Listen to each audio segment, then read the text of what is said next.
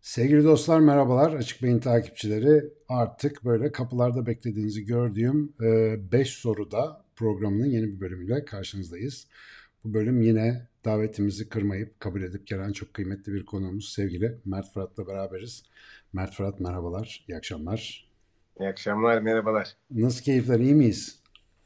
Valla işte e, iyi olmaya çalışıyoruz. İyi aslında. E, yine bu şartlar altında e, iyi durumdayız. O yüzden iyiyiz diyebiliriz. Evet, daha iyi olalım. Çünkü bu özellikle Covid e, pandemisi meselesinden en çok etkilenen sektörlerden birinde faaliyet gösteren bir isim ağırlıyoruz bugün. O yüzden evet. o kısımla ilgili de e, biraz e, iç hikaye, biraz içgörü almaya çalışacağız.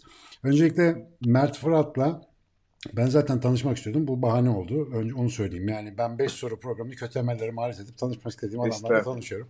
Tam Bir mukabele hoca. Eyvallah. Kendisi de sağ olsun. Özellikle ortak arkadaşlarımızla birlikte yaptıkları faaliyetlerden hep arkadaşlar işte bahsediyorlar. Şimdi genellikle bir e, mesele var. Hani böyle insanlar ünlü zengin bilmem ne olmak için kendilerini bir ortaya atarlar, oyuncu olurlar, bir şey olurlar ama bazı tipleri bu kesmiyor. E, yani o alanda başarılı olmak yetmiyor ve kendi e, insaniyet basamaklarını daha yukarı tırmandıracak böyle enteresan işlerle uğraşıyorlar. E, Mert Fırat benim gözümde öyle isimlerden bir tanesi. Örnek olacak çok işler yaptığını düşünüyorum ve zaten haberlerini de alıyorum. E, biz böyle tek bir alanla ömrünü tüketmeyip de orada burada ne faydam olabilir diye gezinenlere kendi aramızda açık beyinler diyoruz. Zaten bizim ismimiz de oradan geliyor. Dolayısıyla böyle tuhaf tuhaf işlerle uğraşan Ademoğullarından biri olarak bugün Mert Fırat'ı ağırlamaktan çok mutluyuz. Ben her zaman 5 soru programının ilk sorusuna şöyle başlarım. Bunu öğrenmeyi, daha doğrusu bunun hikayesini öğrenmeyi seviyorum. Mert Fırat mutlu bir insan mı? Dünyaya bir daha gelse Mert Fırat mı olurdu? Aynı şeyleri mi yapardı? Yoksa geçmişten böyle majör bir şeyleri değiştirmeye çalışır mıydı? Yani çok böyle keşkeleri falan filan var mı? Tüh ya şu da olmasaydı falan dediği. Kabaca buraya nasıl geldik ve neticeden memnun muyuz? Aslında bunu öğrenmek istiyorum. Ben genel itibariyle mutlu birisiyim. Yani böyle hep mutlu olmanın ee, daha doğrusu canımı sıkmamanın yolunu arayan birisiyim. Yani e, çünkü böyle çok küçük yaştan beri fark ettim ki aslında yani e, mutluluk, mutsuzluk çok majör bir şey yaşamıyorsanız e, biraz elinizde. Hani koşulları çok yani tabii takınca böyle çok spesifik e, koşullar içinde değilseniz mümkün mertebe mutlu olabiliyorsunuz. Bu dünyada mutlu olmak çok zor ama hani ben kendi e, alanımda, kendi etrafımda ve kendi içimde aslında mutluyum. Keşke çok var tabii yani her zaman çok keşkesi olur. Bizi aslında keşkelerimiz ve iyi kilerimiz bir yere getiriyor bence. Yani tercihte bulunup e, iyi ki yapmadıklarımız, keşke yapsaydım dediklerimiz de oluyor. Ama iyi kiler daha çok olunca e, daha mutlu oluyorsunuz. Benim iyi kiler daha çok. E, keşkelerimse ne olabilir? İşte ne bileyim e, mesela bir dönem İsveç'ten döndüm e, ve böyle sinema televizyonu yarım bıraktım. E, bir kurs gibi kaldı. Hani keşke bitirseydim tam anlamıyla dediğim bir şey var. En azından bir sene e, daha kalıp ve yani üzerinde bir şey yapsaydım falan diye böyle bir derdim var. Ama sonrasında o keşke boşluğu bendeki o keşke boşluğu bana senaryo da yazdırdı. Arkasından bir film şirketi de kurdurdu. Ee, o yapamadığım, tam tamamlayamadığım şey e, bana oyunculuk da okuttu. Arkasından ne bileyim dört tane beş tane senaryo yazdırıp dört tane filmin içinde yapımcı, oyuncu olarak yer almamı e, yarattı. Biraz aslında işte oradaki keşke e, belli bir zaman sonra bir süre geçtikten sonra iyi ikiye de dönebiliyor. Ama tabii ki daha çok dil konuşmak isterdim. Ne bileyim hani vardı ya altı dil konuşuyorum falan diye. Ama isterdim. Mesela ne bileyim e, hiç üniversite hayatına ara vermemeyi çok isterdim bunları yaparken. Yani birkaç tane daha lisans almak isterdim açıkçası. Ee, şimdi ilgili olduğum konularla ilgili sahada çok fazla çalışma yürütüp e, yan okumalar yapmaya çalışıyorum ama ne olursa olsun alanından da mezun olmak isterdim açıkçası double measure, triple measure şeklinde giden bir hikayem olsun isterdim. Ama işte yine de bir noktada yapmak istiyorum tabii. Ya şey şöyle bir şey de oluyor galiba. Yani biz şimdi üniversitede öğretim üyesi olarak bu ikinci, üçüncü kariyeri çok görüyoruz ama bu genellikle fazla diploma avcılığı biraz hayatta doyumsuzluk ya da yaptığı şeyle tam tatmin olamamakla da ilgili gibi. Evet. Belki de Mert Fırat geçmişte o majorları majorları toplasaydı bugün herhalde bunları yapacak pek bir birikim de sağlayamazdı gibi düşünüyorum. Bilmiyorum öyle bir hipotezim var ama.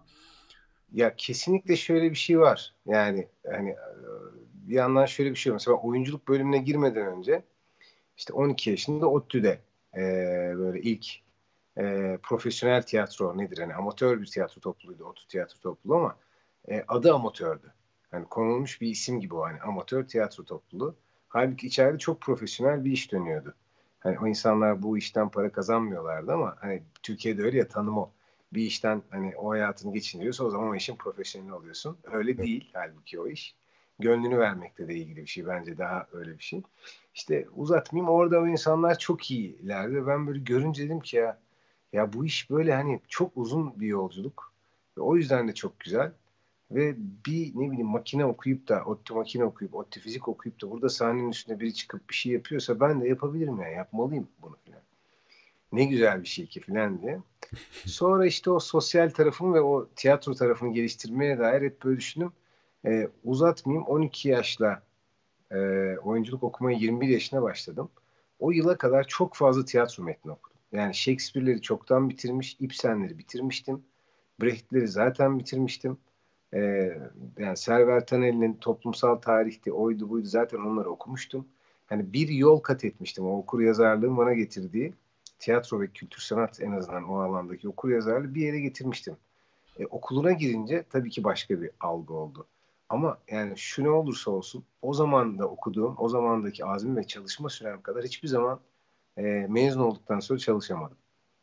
Yani dolayısıyla e, bir şeye ulaşmadığınızda bir şeye erişmediğinizde, o lisans diplomasını eline almadığınızda ya da o korunaklı alana girmediğinizde, korunaklı alanları terk etmediğinizde, çatılara inandığınızda aslında e, o insanı körleştirmeye, e, sağırlaştırmaya, ileriye bakmamaya falan e, maalesef yönlendirebiliyor.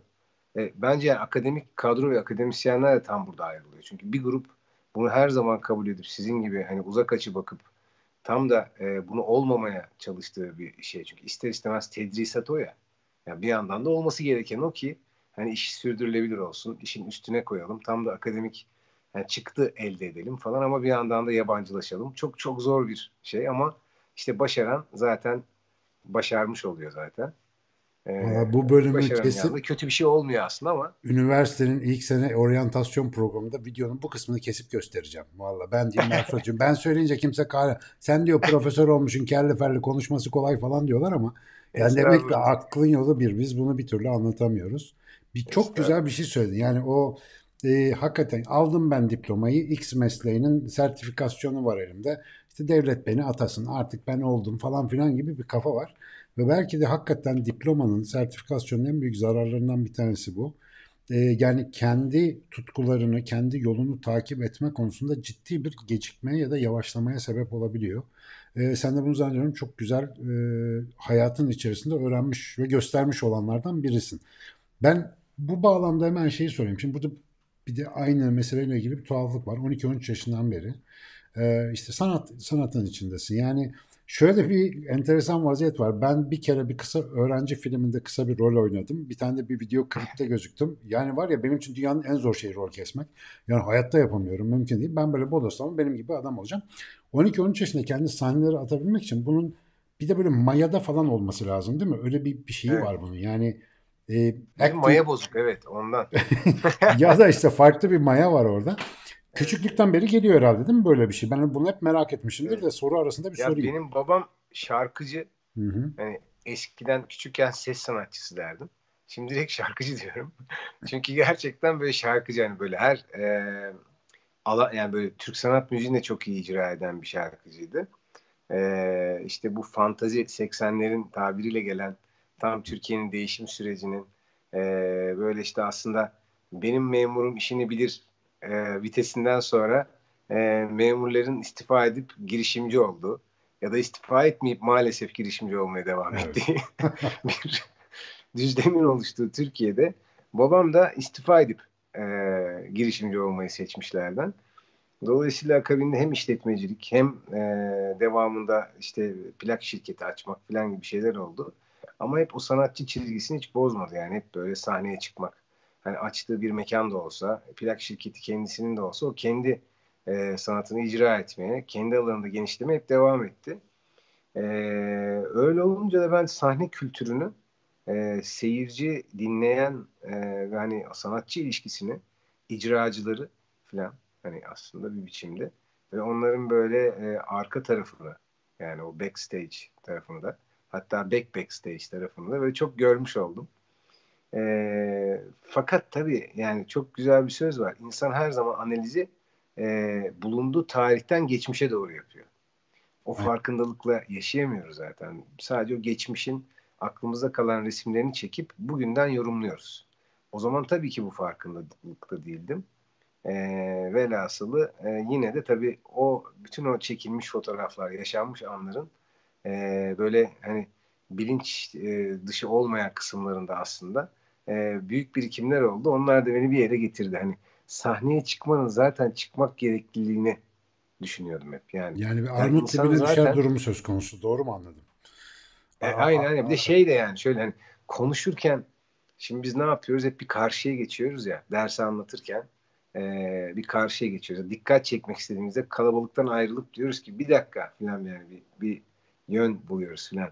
Hani böyle e, işte Roma milattan önce Roma'da da böyle hani e, işte konuşmaya başlayan işte Sezar falan hani o da öyle. Antonius çıkar Sezar için konuşur falan. Hep böyle bir bir taraftan bakmak yani bir hikaye. Dolayısıyla galiba o karşıya çıkıp bir şey ifade etme, kendini anlatma hikayesi benim için bir ego değildi hiçbir zaman. Herkes bana baksından öte. Ya benim anlatacak bir şeyim vardı. Ya anlatacak derdim var, anlatacak birikmiş bir şeyin var. Senin canını sıkan bir şey var. Seni paylaşacağın çok mutlu, herkesi mutlu edeceğini düşündüğün komik bir durum. Ya da bir daha kimsenin başına gelmesin diye anlatacağın bir anın olabilir. Ne bileyim. Bir kaza anlatırsın yani. Arkadaşlar şu basamağa basmayın bak oradan ben düştüm. Sonra da kalçayı kırdım. Sonra arkasından şunlar oldu diyebileceğim bir hikaye var yani. Dolayısıyla bunu keşfettim. Dedim ki ya ben bunu yapmalıyım ya. ya bu dünyanın en güzel şeyi. Hani birbirimizi dinlemek, oynamak ve hani e, bunun bana çok iyi geleceğini düşündüm. O yüzden aslında başladım hikayeye biraz. Evet sevgili arkadaşlar bak hep anlatıyorum. Aha da işte bir ispatı daha geldi aile önemli bir şeydir. Yani orada bulduğumuz çevre bir şekilde bizim başlangıç şartlarını şekillendiriyor. Tabii çoğu insan bunu çok farklı şekillerde esnetiyor, genişletiyor, kendi tecrübeleri çok başka bir şey yaratıyor ama yani başlangıçtan alınan avanslar daha sonra çok önemli. Ama gelelim benim ikinci soruda merak ettiğim bir konu var. Sahne sanatları gayet başarılı bir çizgi gördüğümüz kadarıyla. Yani bu özellikle farklı alanlarda da sinema vesairede de öne çıkan başarılar var. Ama bunların arasında Mert Fırat aynı zamanda bu konforu bozmaya da meraklı birine benziyor. Böyle hayır işleri, yardımlaşmalar, bir şeyler işte böyle e, sizin neydi o? Bir e, ihtiyaç in, inogar artınız var. Mesela böyle enteresan şeyler yapıyorsunuz bir taraftan. Kuluçka merkezleri öbür taraftan e, bizim güneşinle falan beraber yaptığınız iklimle iklimle ilgili böyle dertler endişeler.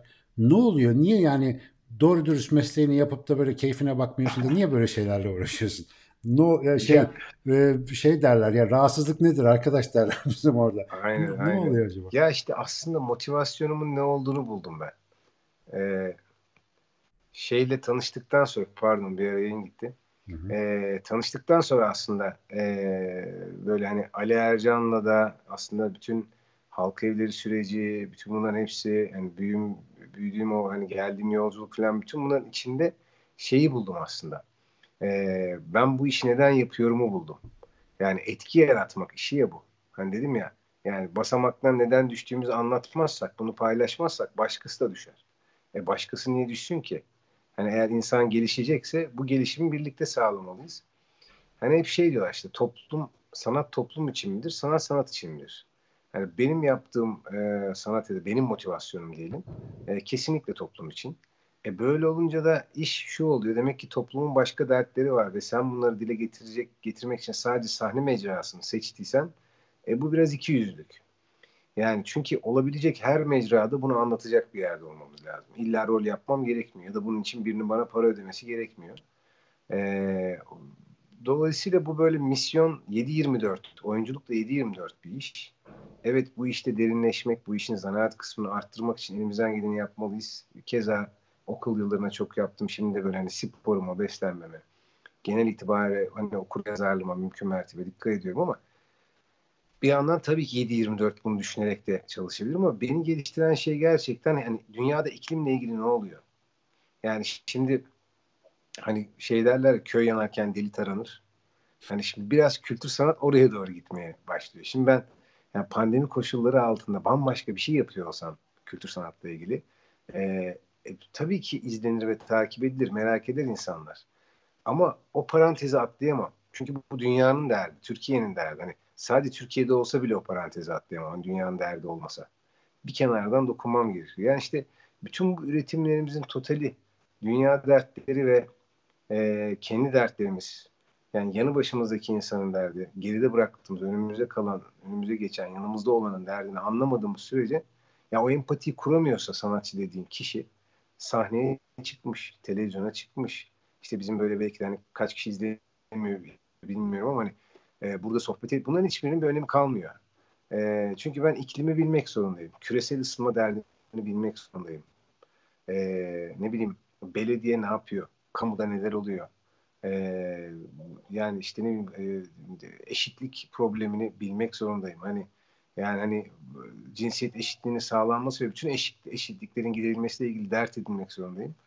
Bunları sahiplenemezsem gerçekliğimi kuramam. Yani biraz öyle bir hikaye. Kendi inandırıcılığımı başta kendimden hani e, Amerikalıların şeyi var böyle bir egzersizde söylüyor. Believability. Yani inandırıcılık. Şimdi e, kısa şeyle hani o inanırlık, inandırıcılığı kurmak. Şimdi believability'yi kurmak için bir şeye inanman lazım ki karşındaki de senin samimiyetine inansın. İşte o zaman etki yaratılıyor. Hı. Yani biz oğlunu, kızını bir şey uğruna, e, inancı uğruna, bir mücadelesi uğruna, uğruna kaybetmiş bir annenin, e, bir babanın e, feryadını oynamak ya da anlamak için empati kurmamız lazım. Ama o inandığı şeyin de ne olduğunu bilmemiz lazım ki bir etki yaratsın. Ve ben bunu canlandıracağım. Şimdi bu sorumluluk varsa ben bunu okumak zorundayım, anlamak zorundayım, bilmek zorundayım. O da yetmez. Bildiğimi o milisaniyede karşı tarafa aktarmak zorundayım. Yani bu bir beyin cerrahın girip milisaniyede alacağı karar gibi bizim de aslında milisaniyede o 500 kişiye, 1000 kişiye bazen 8 milyon televizyon ekranında aldırdığımız ya da hani hissettirdiğimiz duygu. Bu köy yanarken deli taranı çok iyiymiş. Ee, şimdi biz antropolojik olarak şöyle geçmişe insan şimdiye kadar ne yaptı diye baktığımızda işte insanı modern insan diye adlandırmaya başladığımız hikaye mağara duvarı resmiyle başlıyor. Mesela bir sanatsal bir aktivite. Daha sebebini tam bilmiyoruz ama bir şeyler yapmış adamlar oluyor. Ta antik Yunan'da mesela derdini anlatmak için millet tiyatro kurmuş. Direkt şimdi böyle bir e, oyunla, hikayeyle bir şey anlatma meselesi var. E, ben buralardan şöyle bir e, kanı oluşturmuştum. Yani ben bu arada tiyatro müktesebatı zayıf bir adamım. Biraz resimle falan uğraştım. Müzikte bir yakınlığım var falan ama tiyatro karnem hakikaten çok zayıf. Yani toplasam bir 5 tane oyuna, 5-6 oyuna önce gitmişimdir. Böyle biraz şey yoktu. Benim çevremde o yoktu ama bütün sanat için genelde söyleyecek olursam sanki şöyle bir şey var. Çözemediğimiz sorunlara alternatif yollar aramanın çok e, efendim böyle sofistike bir yolu gibi. Yani soyut düşüncenin, hikayenin, öykünün, imgelemin, çeşitli nesnelerin imkanlarını kullanarak aslında yapılmamış şeyleri araştırıyor gibi, söylenmemiş sözleri araştırıyor gibi. Bir de insan muhayyilesine biraz yollar açıyor gibi. Galiba bu nedenle hani delinin taranmayı bırakıp da biraz e, hakikaten bir önderlik etme pozisyonu da var gibi. Ama tabii bu da muhtemelen sanat anlayışları arasında farklı. Bazısı bunu kabul ediyor, bazısı etmiyor gibi. Yani kimisi sanatı ben kafama göre yaparım, toplumdan kopuk olurum da diyebiliyor. Ama böyle işte senin gibi bir ekol de var. Yani orada anlatacağım şeylere bir aracı yapmak gibi. E, galiba böyle bir hissiyatla doğru mu anlıyorum? Yani sanatı bir araştırma yöntemi olarak kullanıp ya arkadaşlar bu dertlerimize şöyle şöyle de bir çözüm olabilir gibi bir yere getirmek galiba değil mi? Öyle bir yere gidiyor Mert Fırat gibi geldi bana. Ya total olarak ben hani e, bunun tam bu özeti bu yani. Hani ben de bu kısmı kullanacağım kendimi daha kısa ifade etmek için hocam. Yani, Karşılıklı kullanırız bu videoları bak güzel. Aynen Çünkü yani evet kesinlikle bu. Yani şimdi bir yazar var. Maurice Rinke diye Alman bir adam. Ee, adam şimdi Werder Bremen'de daha önce top oynamış. Profesyonel futbolcu gibi. Sonra gitmiş yani profesyonel futbolcu olarak. Sonra oyun yazarlığı yapmış. Hiç bırakmamış onu. Arkasından şimdi e, Sokrates'in Almanya şeyini hem yazı yazıyor dergisinde hem roman yazıyor. Can'dan iki tane, e, üç tane romanı çıktı. Hem de oyunlar yazıyor ve bu oyunlar Berliner Ensemble, e, Deutsches Theater, Şabühne gibi hani dünyada ünlü tiyatrolarda sahneleniyor. Ve e, çok toplumcu gerçekçi de bir e, yaklaşımı oluyor. E, fakat sınıflar arası bağlantıyı da şahane kuran, biraz ortanın üstü sınıfa da çok güzel e, göndermeler yapan bir zat kendisi. Şimdi o zatı muhterem. Şimdi bütün bu birikimlerin yanında bu entelektüel birikim ve hani sosyal hayattan gelen, sokaktan da gelen kültür ve birikimin yanına daha yeni West End diye bir oyun yazdım. O kadar güzel bir batı toplumu ve bütün dünya sistemi eleştirisi ki şimdi içinde iklim var, küresel ısınma var, savaş var, hani sömürü, sömürge düzeni var daha önceki hani e, yüzyıldan gelen. E, Afganistan, Avrupa, Irak, Orta Doğu politikası var. E, Almanya derdi var. Almanya'nın kendi iç derdi var. Şimdi bütün bunları anlattığım bir iki saatlik komediden bahsediyoruz. Ve komedi. E, mesela bir aşk hikayesi üzerinden giden var. Sınır tanımayan bir doktorla e, bir estetik cerrahın hikayesi aslında bir tarafıyla da. Yani böyle örnekler çoğaltılır. Kaybolmuş bir Z kuşağının sözde tırnak içinde kaybolmuş bir Z kuşağının göndermesi olan bir e, karakter var. Var oldu var yani böyle. Şimdi bütün bunları bir metinde toplayıp bu kadar çok şey söylüyormuş gibi bir şey söylemek nasıl oluyor ya? O zaman da çok karışık olmuyor falan. E, dünya bu düzende. Şu an multiple setup'ın olduğu bir yerdeyiz. Multiple setup. Ya böyle çoklu bir setup'ın içindeyiz, kurgunun içindeyiz. Çoklu bir algı ve çoklu bir zekaya sahip olmamız gerekiyor ve çoklu bir şekilde bunu yönetebiliyor olmamız gerekiyor. Oyuncu olarak da bu böyle, yönetici olarak da bu böyle, hoca olarak, öğretmen olarak da böyle, anne baba olarak da böyle. Z kuşağı diye sürekli tırnak içine alınan o genç olarak da bu böyle. E şimdi bütün bunlar varken biz bunları gözümüzü kapatıp ee, yani şimdi bambaşka bir sanat yapmak bana şey gibi geliyor. Gerçekten hani e, yani ona inanamam.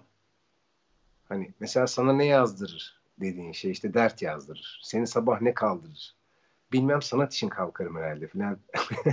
Öyle olmuyor ki yani hayat. Yani dolayısıyla biraz galiba bende başka türlüsü olmuyor. Yani keşke olsaydı. Ben de isterdim. Ama çalışmıyor yani. Mekanizma çalışmıyor. Senin bir röportajında benim böyle bam telime denk gelen bir sözün var. Ee, tam öyle mi ama yani hatırladığım kadarıyla söyleyeceğim. Hı. Sorunları ya da dertleri popülerleştirmekten bahsediyorsun. Yani biz bunları popülerleştirmek için daha çok insanın haberi olsun gibi. Bu, bu bende şundan tınladı. Ben yıllardır bilimi popülerize etmeye çalışıyorum. Fakat şöyle bir yorgunluğum oluyor. Yani bak bilim güzeldir, ağaç, kuş, biyoloji, bak hepimiz işte kardeşiz falan filan anlatırken ya biz eve ekmek götüremiyoruz falan diye çıkan oluyor. Ya da efendim işte böyle bal kaymak bir mevzudan bahsediyormuşuz gibi hani ne diyorsun hacı sen falan tarzı bir şeyler oluşuyor. Şimdi en çok da diyelim sosyopolitik duruma ya da işte sosyal bir hadiseye dair bir şey söylediğinde sen bilimini yap işte bu konularda konuşma sen beyin anlat falan diye böyle ayar vermeye çalışan çok oluyor. Biraz böyle konfor bozucu şeyler insanların hoşuna gitmiyor. Şimdi sen bunu nasıl yapıyorsun? Yani sorunları popülerize etmek e, anladığım kadarıyla böyle seçtiğin yöntemlerden biri. Nereden aklına geldi? Bir de sen nasıl tepkiler arıyorsun? Popülerize edebiliyor musun gerçekten? E, nasıl bir şey oluyor yani bunu yaptığında? Ben aslında tek başıma yapmıyorum. Yani böyle bir popülerize edilmiş şeylerin kodları görüyorum. O kodların üzerine gücümün yettiğince etki yaratabilecek müdahalelerde bulunuyorum. Aslında hani e, işte tam da bunu yapan bir sürü Twitter'da, Instagram'da e, aslında katkı koyan e, insan var. Şimdi mesela onlar da etki yaratıyorlar. Çok da değerli aslında yaratılan etkiler. Tam tersi de olabiliyor. Kirlilik. İşte hani sizin yaptığınız önemli, paylaştığınız önemli çıktılara hacı ben eve ekmek götüremiyorum yaklaşımı bağlamından koparılmış bir yaklaşım. Ben de diyorum ki bunlar madem diyorum bunlar bizi bağlamımızdan koparıyorlar. Bizim çıktıları bağlamından koparıyorlar. koparıyorlar. Biz de bağlamından koparılmış çıktıları bizim tarafa çekmeliyiz. Yani madem o hani popi oluyor. Madem popi o zaman alacağız. Yani çünkü e, bu Aikido gibi yani. Düşünsel Aikido gibi. Gücü Stratejik Aikido karşı. gibi. Zaten. Aynen. Madem güç oraya geliyor ben de o zaman onun içine bir şey eklerim. Birlikte hani gideriz işte. Yani. O hızına kapılırım yani. Hızıyla birlikte giderim. Bu beni deforme eder mi? Bu benim yaptığım işi e, ne denir? E, küçültür mü? E, bunların hepsi riskleri. Bunların hepsi e, içinde bu riskleri barındıran şeyler. E, ama e, kazancı kadar e, kaybı da olacaktır. Ama ben hani %70'e %30 gördüm hep oralarda. O %30 telafi edilir. Hani desek ki ya buradaki kayıp yüzde 60 oluyor, yüzde 40 bir kazancımız oluyor, yüzde 60'da da bir şey anlaşılmıyor. E, öyle olmuyor.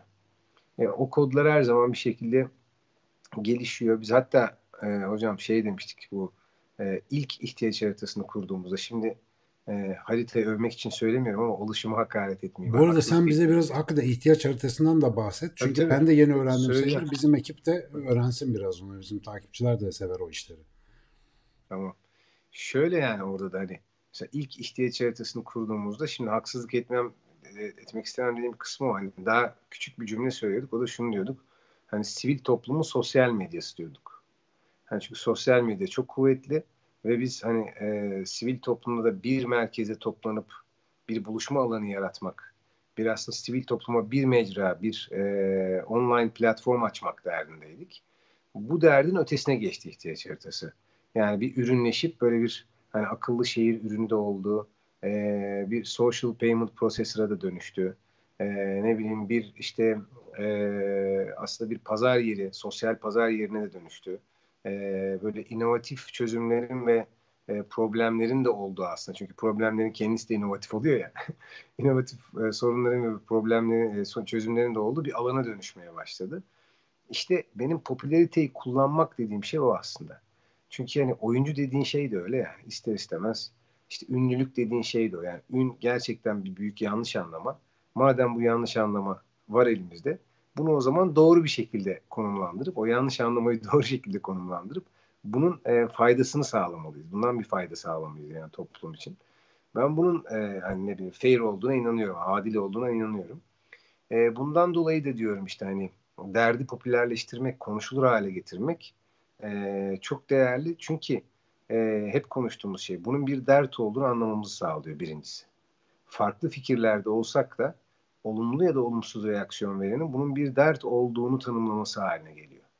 Yani edilen bize edilen küfür de ya bravo kardeşim çok haklı bu dert demesi de bir reaksiyon verdiği için bunun doğruluğunu bir yere sabitliyor zaten. En azından tartışılabilir olduğunu. E devamında biz bunun bir sorun olduğunu saptadık. Sonra çözüme doğru bir adım atmaya başlıyoruz. Kimisi için bu çok şiddetle çözülecek, bizim için olumsuz anlamda çözülecek bir eleştiriyle devam ediyor. Kimisi olumlu şeyler üretmeye başlıyor. E işte zaten tam da bu hikayemiz. E, ya bazen tabii ki yenilir yutulur olmayan bir konu hakkında bir senaryo da yazmış oluyoruz. İşte ilk sen Başarır'ı burada anmak istiyorum. Hani o da bana büyük vizyon ve yani bu anlamda e, hayalleri böyle gerçekleştirmek noktasında fırsat vermiş birisi. İşte mesela biz bir Atlı Karınca diye bir e, ikinci filmimizde Atlı Karınca. Onu yazdık. Ensest üzerine bir hikayeydi. Biz kibrit kutusu kadar haber yapılırken gazetelerde ensestle ilgili bunu nasıl manşete taşırız? Ya da eklerde çıkar mı acaba? Hani ensest tartışılır mı? Yani pedofiliyle ensestin aynı şey olmadığı, dönemin e, siyasetçilerinin enseste aile içi şiddet dediği, yani dolayısıyla bunun aile içi şiddetten ayrılması gereken bir konu olduğunu, dolayısıyla tam da o yani problemin popülerleştirilmesi noktasında e, amacına ulaştığı birkaç örnek yaşadım. E, e, bu ne oldu? Dünyanın çeşitli ülkelerine gitti oynadı. E, bizleri temsil etti yani bir biçimde. Hani bakış açımızı bu sorunlarla ilgilendiğimizde temsil etti. Dolayısıyla hani Fransa'sından Avrupa'nın birçok ülkesinde konuştuğumuz bir konuya e, dönüştü ve yani çeşitli etkiler yarattı. Uzatmayayım. Yani dolayısıyla kültür sanatın da amacı bu ya. Yani hani zaten bu etkiyi doğurmak. Bununla ilgili son bir örnek vereceğim. Bir gün e, çok yakın tarihte böyle 7-8 ay önce bu pandemiye girmeden önce bir e, belgeselci bir arkadaşımız var. E, Ece. Ece Ger. E, kendisi bir film çekmiş bir e, sanat girişimcisi hakkında. Ama serial e, entrepreneur diyorlar ya böyle seri girişimci diyorlar ya ondan. Yani hani Fringe Tiyatro Festivali, Fringe Kitap Festivali e, fuarı onu kurucusu işte ne bileyim saymakla bitmez. Hani böyle inanılmaz şeyler yapmış ve bir de böyle geleneksel pazar günü yemekleri var. Orada böyle bir network'ü bir araya getiriyor. Var dediğimiz 35 yıldır var. Hani şimdi millet event açıp Facebook'tan milleti topluyor öyle değil. Ee, ve gittiği her yerin defterini tutmuş. Tanıştığı her kişinin defterini, adresini cep telefonuna yazmış. Bir de bu yetmemiş. Bu insanları nasıl ben bir network'te buluştururum? O bunu yapıyordu, öbürü şunu yapıyordu. Bunlar nasıl birlikte bir şey üretirler diye oturmuş onlara çalışmış. Her buluştuğunda da onları tanıştırmış. inanılmaz bir e, kültür sanat destekçisi ve kendi başına zaten bir yani efsane bir adam. Şimdi girdik 50 dakika belgesel seyrettik. Kimse adam hakkında en ufak bir şey bilmiyor. E, Jim Haynes diye bir adam. Jim Haynes hakkında kimse bir şey bilmiyor. Girdik seyrettik. Gözler doldu. Hala hayatta falan. Sonra bir yemek verdik. Tam da onun yemeği gibi. E, böyle Dastas'ın restoran kısmında. Sonra bir sürprizle Jim Haynes'i laptop'tan ekrana yansıtamadan yani böyle laptop'tan bağladık. Ya onu seyreden 50 kişiden 15'i ağlıyordu. Ve böyle hani dedelerini, abilerini, kardeşlerini görmüş gibi ağlıyordu.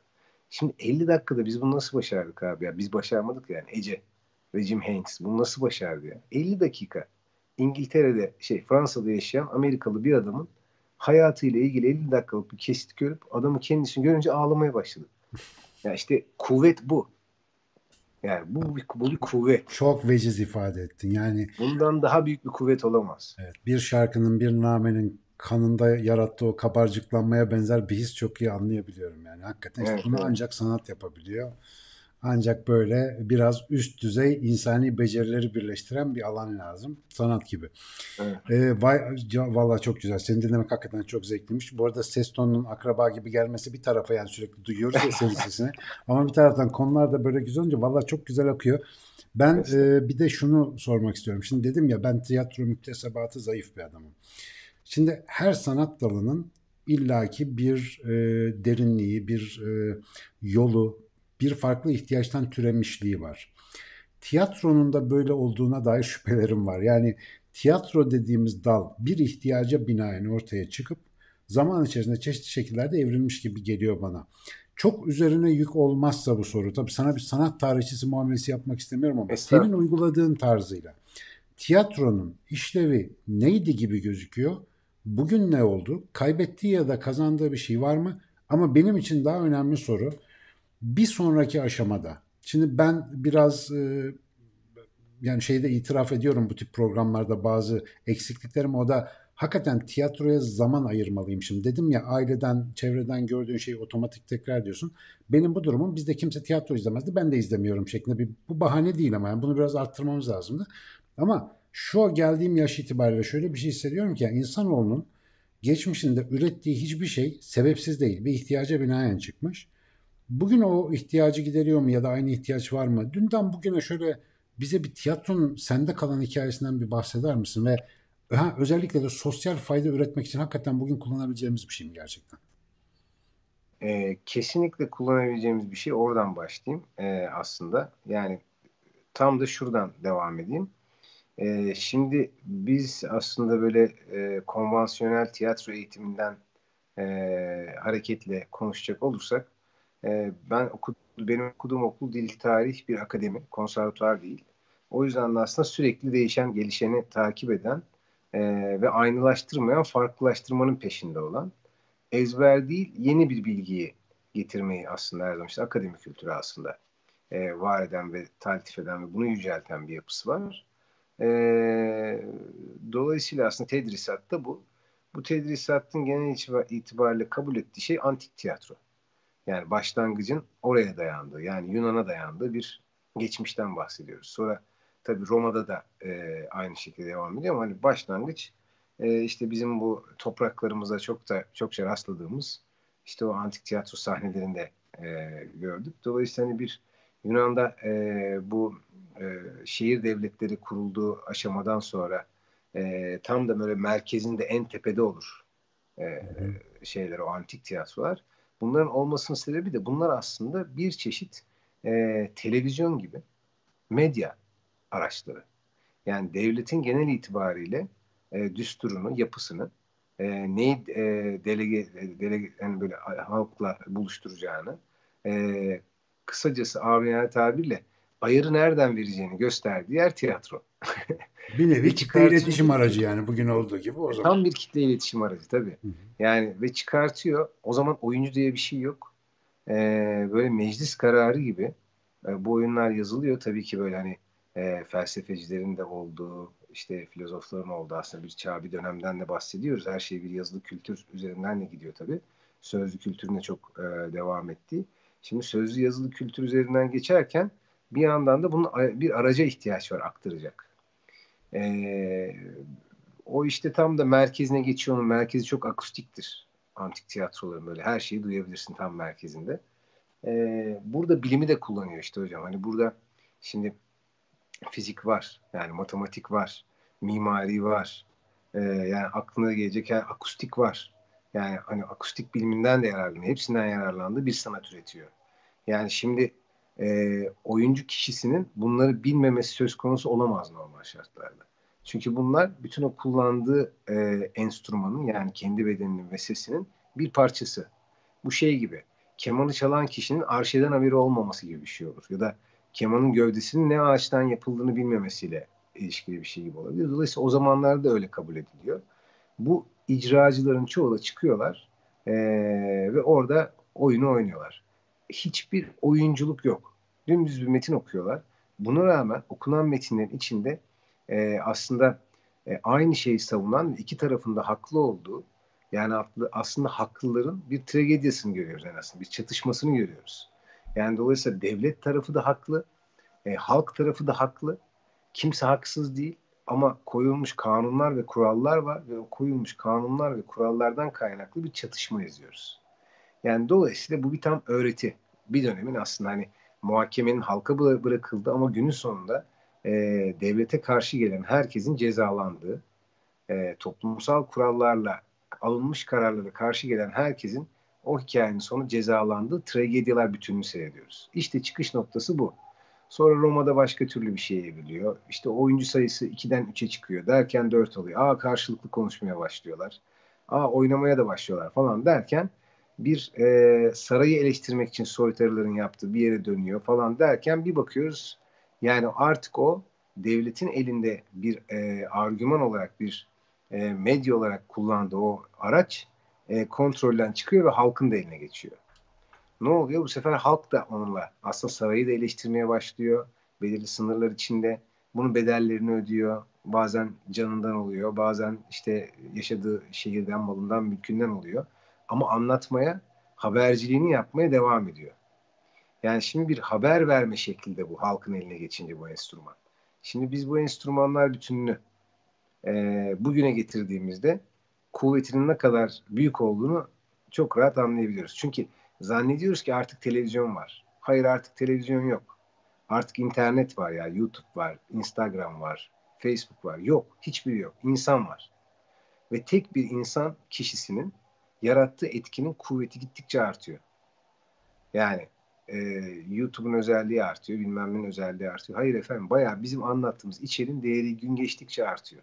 Ve ulaşabildiğimiz kitlenin sayısı da kullandığımız dil ve enstrüman ve kimleri ne kadar etkilediğiyle ve ilgilendirdiğiyle e, çarpan etkisi en kadar büyüyor. Tabii yani bu arada dolayısıyla... yıkıcı etki de yapıcı etki de bu kadar. Tabii tabii. Geliyor. Tabii tabii. Ben hep olumlu taraftan bakmaya çalışıyorum ama ha. demek istediğim aynen hocam. Yani dolayısıyla e, tiyatro tarihi kısaca yani benim hani e, şeyle bu e, Mısır'da tabii bambaşka bir şey oluyor. Yunan'da bambaşka bir şey oluyor. Ama yani genel itibariyle misyon buyken yani o hani devletin bir e, argümanı, devletin bir enstrümanı, bir aracı iken vatandaşın da eline geçen sonrasında orta çağda moralite oyunları yani e, ibret oyunları oynanarak mesela şöyle karakterler var. İyi arkadaş, ihanet, dinsiz filan diye böyle karakterler var. Yani hmm. onların her biri bir karakter. İyi arkadaş diye biri geliyor ya. İsmi yok. Hani şimdi kavramlar kavramlar üzerinden prototipler yani.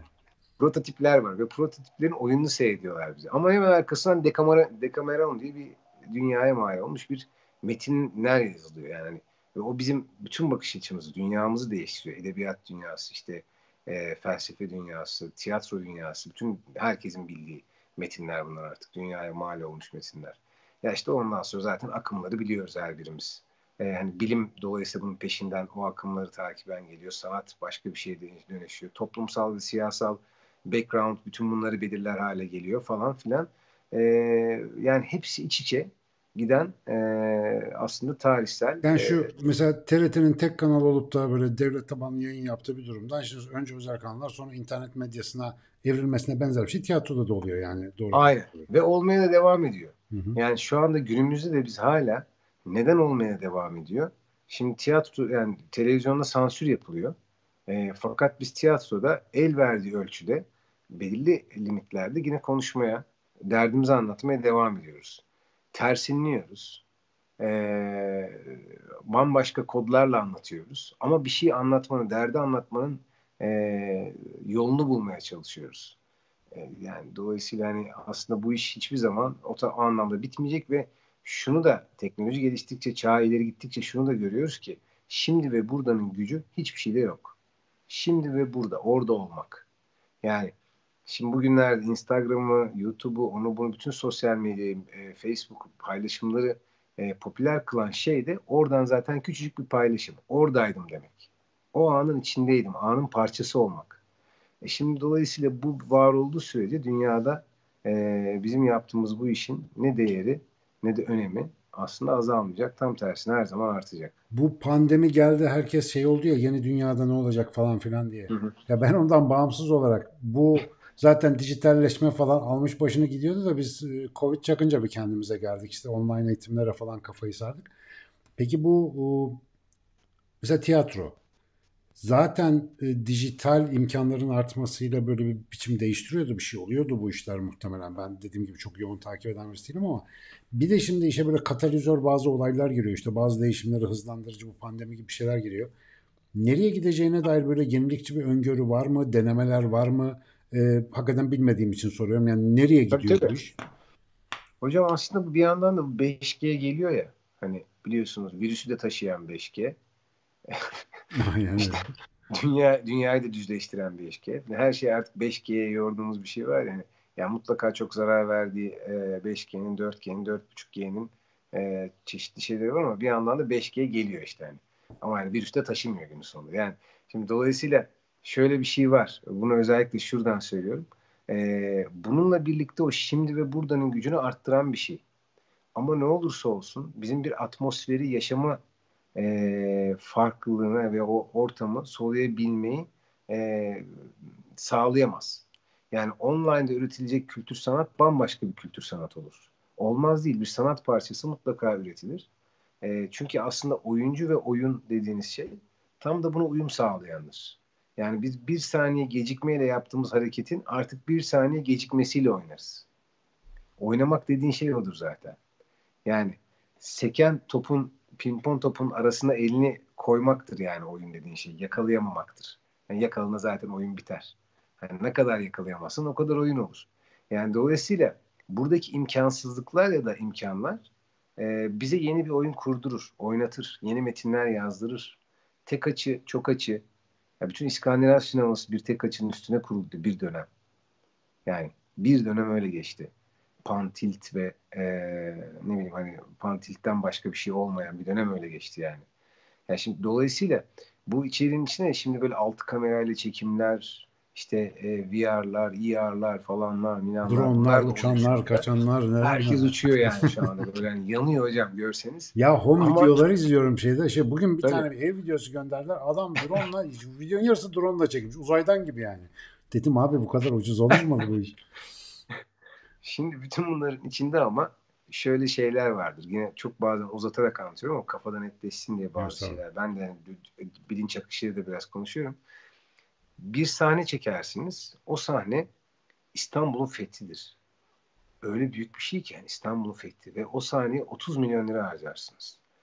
Yani gemiler kızaklardan kayar, o olur, bu olur, sesler, kayışlar, insanlar, acayip makyaj falan. Öbür tarafta da bir sevgili e, bir ayrılış sahnesi vardır. Ve der ki hayatımdan çıkmanı istiyorum ya. Yani iki yakamız bir araya gelmeyecek. Sen artık git Avrupa'da kal. Ben Anadolu'ya gidiyorum. Yani çünkü tutmuyor artık bu hikaye diyordur. Bu daha çok reyting alır. Bu daha çok izlenir. Gitti 30 milyon lira. Yani demek istediğim şey drone'un uçması ya da 8 kamerayla Duygusal sistemi çok iyi çözen bir ifade oldu bu gerçekten. Yani o dönem biz, bizim içerik içerik ne? Ne anlatıyoruz? Ve ne kadar insanları ilgilendiriyor? Bu anlattığımız şeyi satıyor muyuz? Sattığımız şey gerçekten insanlığın derdi mi? Biz bir dert anlatıyorsak yani eski teknoloji düşünseniz hocam hani böyle izlemeye çalıştığımız film parçaları, yakalamaya çalıştığımız belgesel parçaları. Hani e, şifreli kanaldan maç seyretmeye çalışan bir çocukluk geçirdik biz ya. Yani şimdi dolayısıyla bu tarafta e, yani içerik seni ilgilendiren bir şeyse ve herkesin derdiyse ve bir derdi çözmeye dair bir adım atıyorsa her türlü seyrettirirsin. Yani bir bu hikaye var. Bütün bunları bir kenara koyup e, asıl sorunun şu kısmına cevap vereceğim. Tabii ki çok bize zihin açacak. Hatta sahneleme ve aslında erişimi kuvvetlendirme anlamında çok büyük değerler katacak. Yani bizi hiç seyredemeyen işte Rize'deki adam da seyredebilecek. İşte ne bileyim Hatay'daki insan da seyredebilecek. Diyarbakır'daki çocuk da seyredebilecek. Herkes seyredebilecek aslında bir açabildiğimiz oranda. Bu bir kazanım. Ama kalanı öyle olmayacak. Tabii ki biz yine konvansiyonel duruma geri döneceğiz. Ama bize kattıklarıyla birlikte. Çünkü yani biz bunu 1918'de de yaşadık ya. Hani 100 milyon, kimilerine göre 50 milyon kişi öldü. E, arkasından avantgard akımlar başladı kültür sanatta. Yani kültür avantgard akımlar, fütürist akım. Hatta dediler ki dadaistler, fütüristler hani kütüphaneleri yakın. Girdiler kütüphaneleri yaktılar filan fütüristler hani. Yani e, dediler ki ya olmaz olsun çünkü bildiğimiz her şey yıkıldı. Yani 100 milyon, 50 milyon insan kaybettik. Bütün paralarımız fabrikalar yani o daha oluşmamış sanayi devrim daha tam başlamamışken yani her şey bitmiş, yıkılmış. Bir dünya savaşı geliyor arkasından falan. Yani şimdi böyle bir ortamda kültür sanat çağ atladı. Bilim çağ atladı. Yani inşa ve her şey çağ atladı. Mühendislik çağ atladı.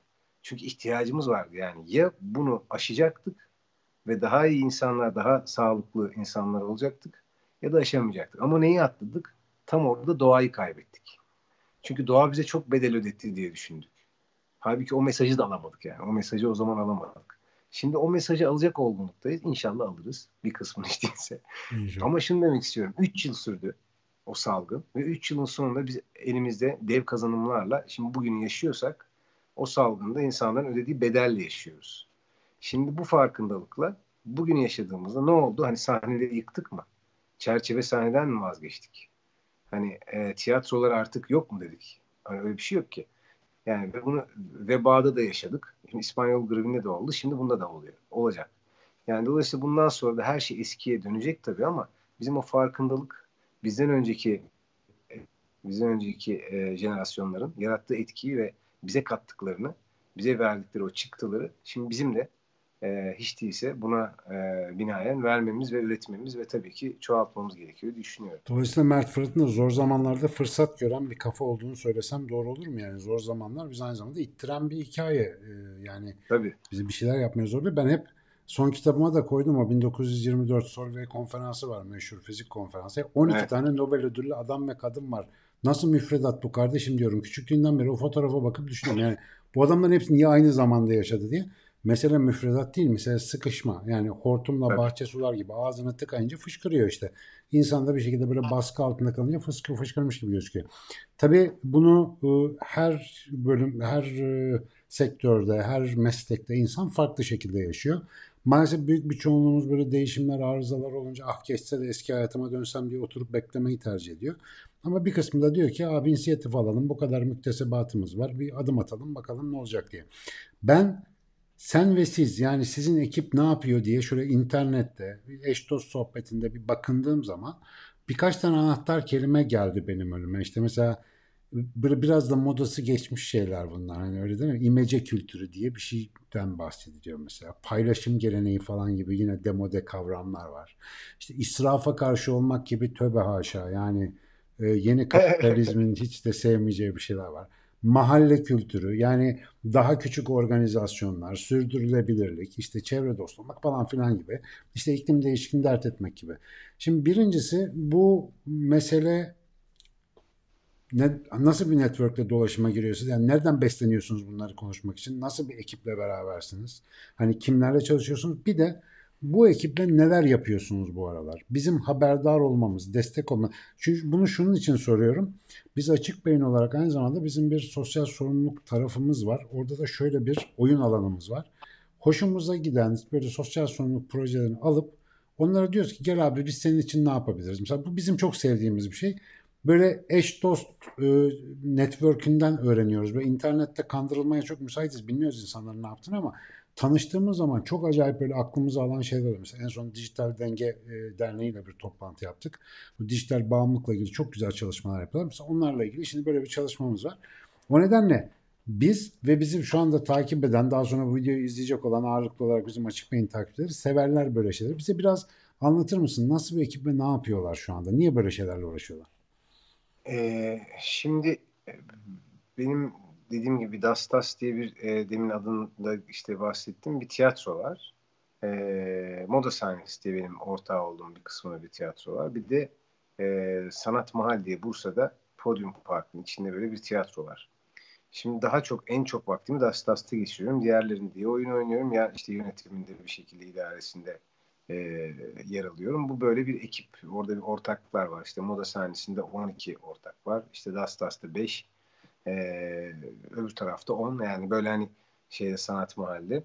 Dolayısıyla böyle bayağı kalabalık sadece tiyatro tarafında bile e, böyle 27 kişiyiz yani o tarafta bile. E, ve ben böyle bir kolektif, kooperatif dünyayı seviyorum. Neden seviyorum? Çünkü bütün çocukluğum öyle geçti açıkçası. Yani başka türlüsünü bilemedim yani görmedim. O yüzden de hani e, ortak akılın e, ortak hataya bile imza atmanın önemli olduğunu düşünüyorum. Buraya getirmemin sebebi kendime yönetmek değil dert. Şimdi böyle birileri çıkınca da onlarla zaten işbirliği yapıyorum. Yani bu anlamda e, işte ilk sen başarır. Şimdi mesela bizim genel sanat yönetmenimiz de hasta. E, işte mesela o e, benim işte bu bir film şirketi kurduk ve biz bir yandan filmler yapıyoruz. İşte başka dilde aşk e, gibi işte atlı karınca gibi. Böyle filmler yapıyoruz. On, onunla hep böyle işte Das tarafına yürüyorum.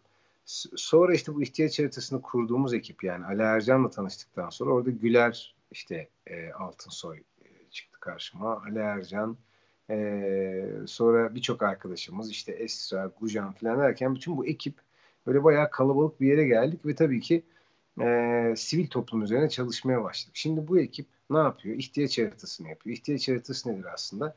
İhtiyaçla e, destekçi buluşturan bir platform. E, burada 350 tane sivil toplum örgütü e, bir buluşma noktası olarak anlayıp ihtiyaçlarını giriyor. Desteklerini giriyor. Yaptığı işleri görünür hale kılıyor. Biz ne yapıyoruz? Ne farkı var bütün alanlardan? Biz çatı bir örgüt ya da yapı olmak istemiyoruz zaten. Diyoruz ki biz buluşma noktasıyız. Bir açık kaynak gibiyiz.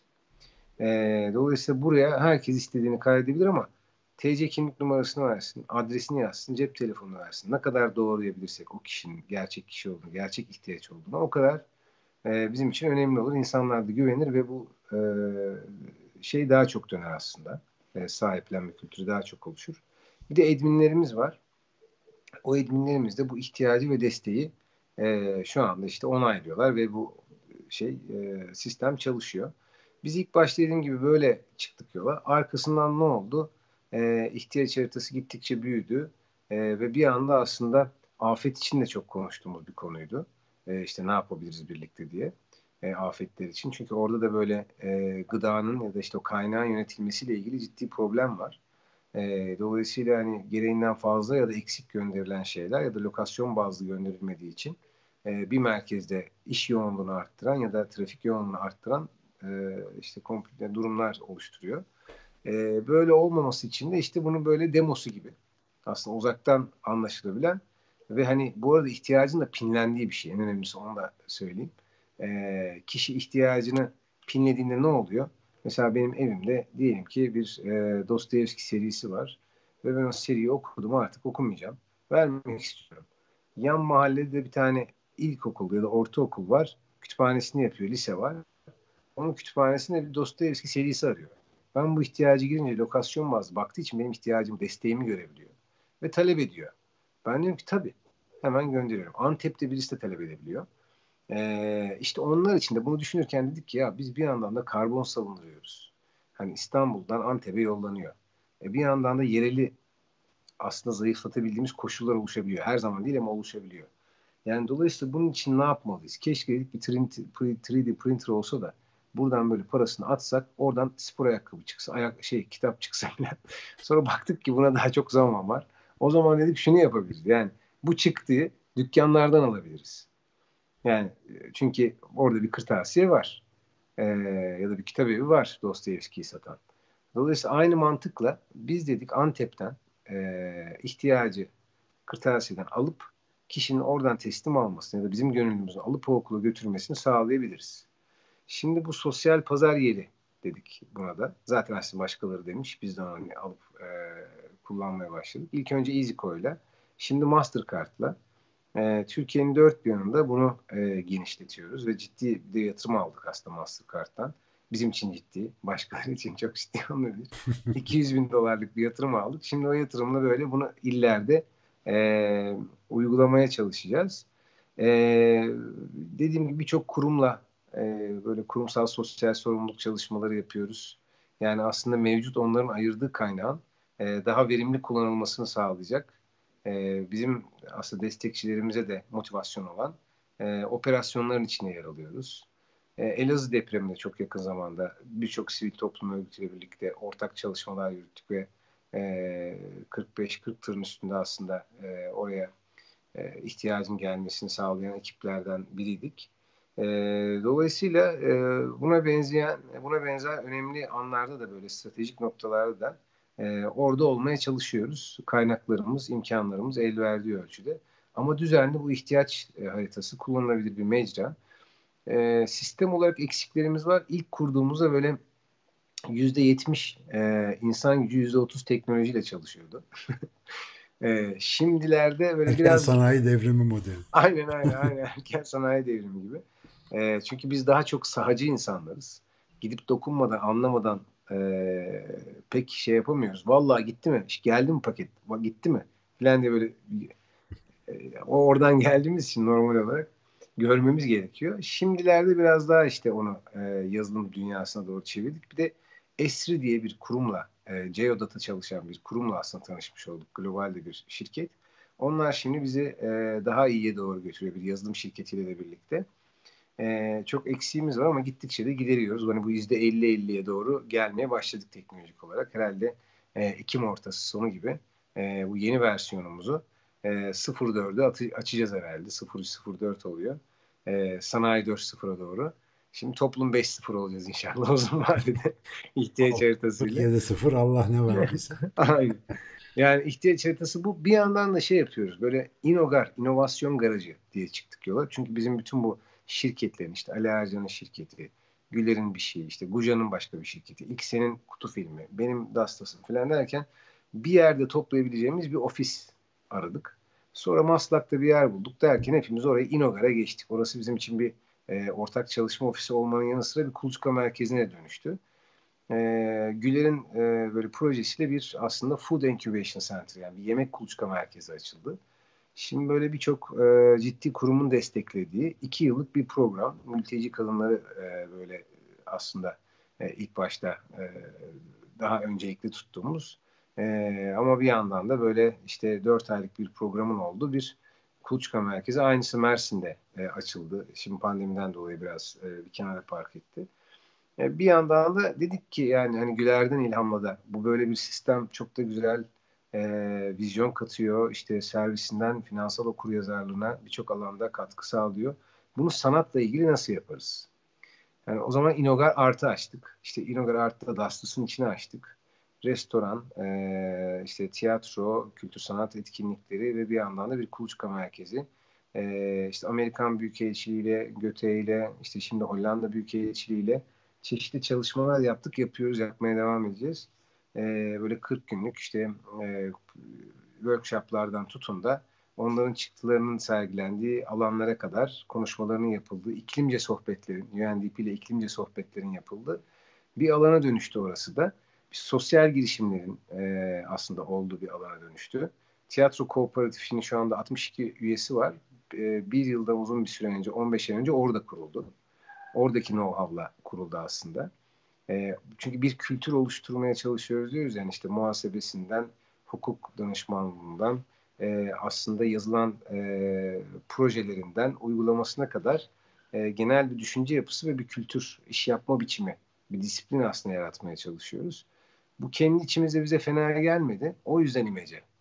O yüzden olanın olmayan hani sadece maddi anlamda değil, bilgiyi de vermek bir imece. Onu da paylaşmak bir imece e, bunu bir açık kaynak olarak paylaşmakta bir imece. Maalesef e, sanat alanında bir bilginin paylaşımı e, ya da bir kültürün geliştirilmesi e, çok gelişmiş değil. Yani şimdi bir bilim insanı bir arkadaşının çıktısını gördüğünde onu alır ve kendi işlemini, kendi problemini çözerken kullanır ama der ki bu yöntemin ismi de Ali yöntemi, Veli yöntemi.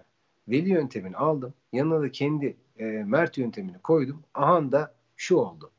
Yani bunda gurur duyar ve zaten bunu bir çıktı olarak hatasıyla, sevabıyla, günahıyla alır. Aa yanlışmış der. Hani kimse de haksızlık etmez. Ama bizde böyle tuhaf bir kültür var. Şimdi onu da böyle aşmak. Hani bu aa benden çaldı şöyle mi oldu? Şimdi ne yapacağız? Özgün bir şey. Ya tam tersine bu böyle hani üst üste koya koya böyle birbirini Demin de çok vardır. Bütün ömrü boyunca sadece tek tırnak uzattığı için o tırnağın bir çöpünü birisi aldı mı ortalığı velveleye verir. Maalesef bu sıkıntı bizde çok. Çok üreten insan evet. böyle bir sorun yaşamıyor. İşte sana ilk sorduğum soru o yüzden oydu. Yani mutlu mu? İşte tekrar gelse aynı şeyi mi yapar? Halinden mutlu olan insan, memnun olan insan radyasyon gibi yayıyor zaten. Saça saça gidiyor neticede. O ne aldı? Bir şey alıp kullansa Allah razı olsun diyor. Ama maalesef işte böyle o ketumluk hakikaten aşılması gereken çok ciddi bir sıkıntı. Şimdi bende de tınladı sen söyleyince bizim ekipte de doğru, çok başlaşıyor böyle şeylerle. Allah kolaylık versin. Halbuki hocam şey şahane değil mi ya? Mesela doktorlar arasında böyle bir şey olabilir mi? Mesela hani ee, yani bir operasyonla ilgili bir detay bulmuşsun. Ya onu hemen paylaşmak için yanarsın ya. Aynen öyle. Dersin ki arkadaş birinin daha hayatı kurtulsun. Aynen. Ha, ya işte ben damar yolu müdahale için bir tane bir şey buldum dersin ya. Ya bu damarı zedelemeden buraya girebiliyorum hem de şu yöntemle. Yani uykum kaçar. Başka hiçbir şey yapmazsın onu bir alanda paylaşmak için. Yani dolayısıyla maalesef e, bazı disiplinler içinde bu böyle değil. E, fakat ticari alanlar, ticarette bile öyle. Yani tekstilde bir şey bulunca herkes kullanıyor. Falan. Şimdi o kültür oluşuyor yavaş yavaş bence. Bizde de oluşuyor. İşte bu alanlarda çok uzatmayayım lafı. Just. Bu alanlarda birçok çıktı elde etmeye çalışıyoruz. Bunları da herkesle paylaşmaya çalışıyoruz mümkün mertebe. Ee, yani tiyatro kooperatifi iyi bir örnek olduğu için söylüyorum ama buna benzer tiyatro kooperatifinde ilan verdiği başka bir sürü oluşum oldu pandemi sürecinde de işte yani bunlar daha da büyüdü ve gelişti. Çok da mutlu oluyoruz böyle oluşumlardan. Ee, onun dışında da işte e, atık laboratuvarından tutun da hani atıktan ne elde edebiliriz, ne yapabilirizden tutun da birçok şeye kadar yeni fikirlerimiz, yeni oluşumlarımız, gelişimlerimiz var. Siz dile getir dediğiniz için özellikle dile getiriyorum. E, ve her zaman da eksiyiz. Her zaman da hiçbir şey bilmiyoruz ve her şeyi yanlış yapıyoruz. O yüzden her zaman desteğe ihtiyacımız var.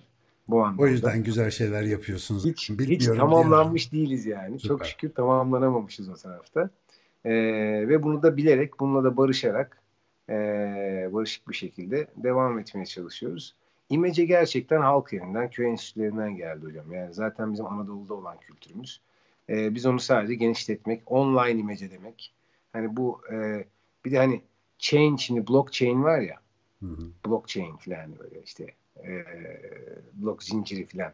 E, o zaten bizim şey ya Emin dayı bu eşek senin mi? Benim. Halime yenge gelsin Allah aşkına bu yenge şey, eşek Emin dayın mı? Evet. Ya baksana bir. Şş, gelsene Oğuz. Bu eşek kimin oğlum? Emin dayın değil mi? Emin dayın. İşte blockchain bu zaten ya köy yerinden. Süper. Hakikaten bu yani. Belli bir zaman sonra herkes Emin dayın, e, o eşeğin Emin dayının olduğunu biliyorsa zaten o eşek Emin dayın. Hani yani ne kadar köyün ne kadar kötü niyetli olabilir? Ne kadar yalancı olabilir? Yani hani ya belirli bir oran olur. Eğer köy yalan söylüyorsa da bununla soruyu soranla ilgili bir sorun olabilir. Onu da düşünmek lazım dolayısıyla. Evet. Yani kimin sorduğuyla ilgili. Ona yalan söylemek zorundadırlar belki yani. Yani yani yani dolayısıyla şimdi e, bütün o afilli isimler ve oluşumların hiçbiri geçmiş kültürümüzden e, ya da bizim zaten hali hazırda yaşadığımızdan hep böyle kaybedip kaybedip yeniden buldurulduğu bir dünyada yaşıyoruz ya. Demokrasi de öyle. Hani yönetim biçimleri de öyle. Dünya değişti falan. Kaybedip kaybedip yeniden bulduruyorlar bize. Biz de kazanım olarak bunu e, şey diyoruz. Ha kazandık şu oldu falan. E biz onu kazanmıştık. Çok önce kazanmıştık hatta. Yani işte dolayısıyla e, ben biraz oradayım. Hani e, o yüzden bu ekip üretmenin peşinde. E, ve yaptığı işin her içinde bir en az yüzde otuz sivil toplum ve hani geri verme kültürüyle ilgili bir şey olması gerektiğini. Yani 100 lira kazanıyorsak en az yüzde otuzun geri verme kültürüyle kuruyoruz. Bazen hiçbir şey geri vermemekle kuruyoruz ihtiyaç haritası gibi. Ee, benim maalesef onunla ilgili konuşmayı, onunla ilgili üretmeyi, onunla ilgili çalışmayı daha çok seviyoruz. Allah sonumuzu hayretsin. Amin amin. Vallahi ne güzel oldu. Şimdi böyle e, anneannem, e, babaannem rahmetliler, bütün büyükler sık ettikleri bir dua vardı onların. E, Allah sizi iyi insanlarla karşılaştırsın diye. Bugün şimdi ben öyle bir hissiyata kapıldım. Biz iyi insanlarla gene karşılaştırıldık. Hem de sadece bir tane iyi insanla değil, bayağı etrafında da iyi insanlar olan Çok insanlar kalabalığız. Tabii tabii. Tabii Vallahi hocam. şey. Yani bizim şöyle bir derdimiz var sevgili Mert. Bu dünyada bir geçenlerde Social Dilemma diye bir belgesel çıktı. Yalan ve yıkıcı haber altı kat hızlı yayılıyormuş mesela işte çalışmalar Maalesef. yapmışlar. İyiliği yükseltmek gibi bir derdimiz var. Bu arada bu cümle sevgili Murat Menteş'in tepeme vura vura abi bunu yapmamız lazım dediği mesele. Copyright'ını da vereyim ondan aldım kaynak gösteririm severek. İyiliği yükseltmek hakikaten zor dönem dönem ama bu dönem en büyük ihtiyaç gibi gözüküyor. O yüzden böyle şey yani sanatın, sanattaki üretiminizin yaptığınız güzel şeylerin hepsi bir yana onlar çok güzel ama bir de hakikaten hepimizin en temel son tahlilde ihtiyacı olan bir mesele var. Şu dünyada hayatta kalmak için hakikaten elle tutuşmamız lazım. Biraz böyle birbirimizi desteklememiz lazım. Güzel şeyler yapmamız lazım. Buna örnek olduğunuz için çok teşekkür ediyorum. Bu arada Inogar Art'a az önce online kayıt oldum. Bakayım bir e, ziyaretim olacak inşallah. Çünkü ortak neler yapabiliriz merak ediyorum. Bu arada bir konuda da hani üzüntülerimi belirteyim. Hala Dastas'a siftah yapamadım. Bizim etraftaki herkes Dastas'a gördüm mü Dastas'a gittim. Ben daha gidemedim. İnşallah yakın bir zamanda orada da bir çayınızı içmeye geliriz. Seve. Çok çok memnun oldum. Bu samimiyetin için, bu do- doluluğun için, genç yaşına rağmen bu üretkenliğin için inşallah sayılarınız artsın. Bizim amacımız güzel örnekleri göstermeye çalışmak. Ee, Herkesin ne yapacağı kendine kalmış. Zannediyorum bizim ekipte bayağı bir like like tuşlarına basarak e, beğenilerini gösteriyorlar şu anda sağ olsun. Ee, dolayısıyla inşallah daha başka projelerde daha güzel şeylerde bir araya gelmek üzere. O, o derler ya bence aslında bazısı için çok ağır bir duadır ama gönlü güzel insan için iyi duadır. Allah gönlünüze göre versin diye bir dua var. Ben Amin. derim ki bu duayı herkese etmeyin. Çünkü bazısının gönlünün ne olduğunu bilmiyorsun. Dolayısıyla burada bence o çalışır. Bütün dostlara, bütün arkadaşlara yaptığınız bütün güzel ve hayırlı işlerde yolunuz, zihniniz, bahtınız ve beyniniz sonuna kadar açık olsun demek istiyorum. Ee, ve bizimle de bu akşam olduğu için tekrar teşekkür ederim. Çok sağ olasın. Hocam ben de çok çok çok çok teşekkür ediyorum. Ee, takip ediyorum, izlemeye devam edeceğim.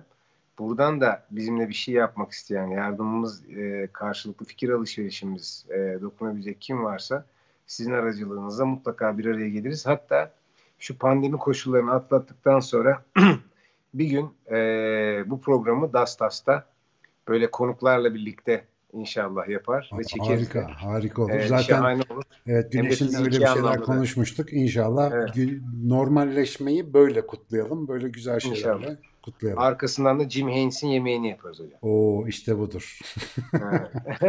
İşte budur. Tamam. Evet çok çok teşekkür ediyorum. Sevgili arkadaşlar size teşekkür ediyoruz. Ee, Ben biraz coşmuşum. Dedim ya Mert'in sesi akraba gibi geliyor. Zamanın e, biraz kontrolünü kaybettim. Normalde bir saatte kapatmam lazım ama biraz aşmışız. Hakkınızı helal edin. Ve Mert de hakkını helal etsin. Ama e, Estağfurullah. çok güzel bir akşamdı. Ben çok keyif aldım. Ee, Sizlere de teşekkür ediyoruz birlikte olduğunuz için. 5 soru devam edecek. Bundan sonraki haftalarda tekrar görüşmek üzere. Hepinize bu akşamlık hoşçakalın demek istiyorum. Görüşürüz.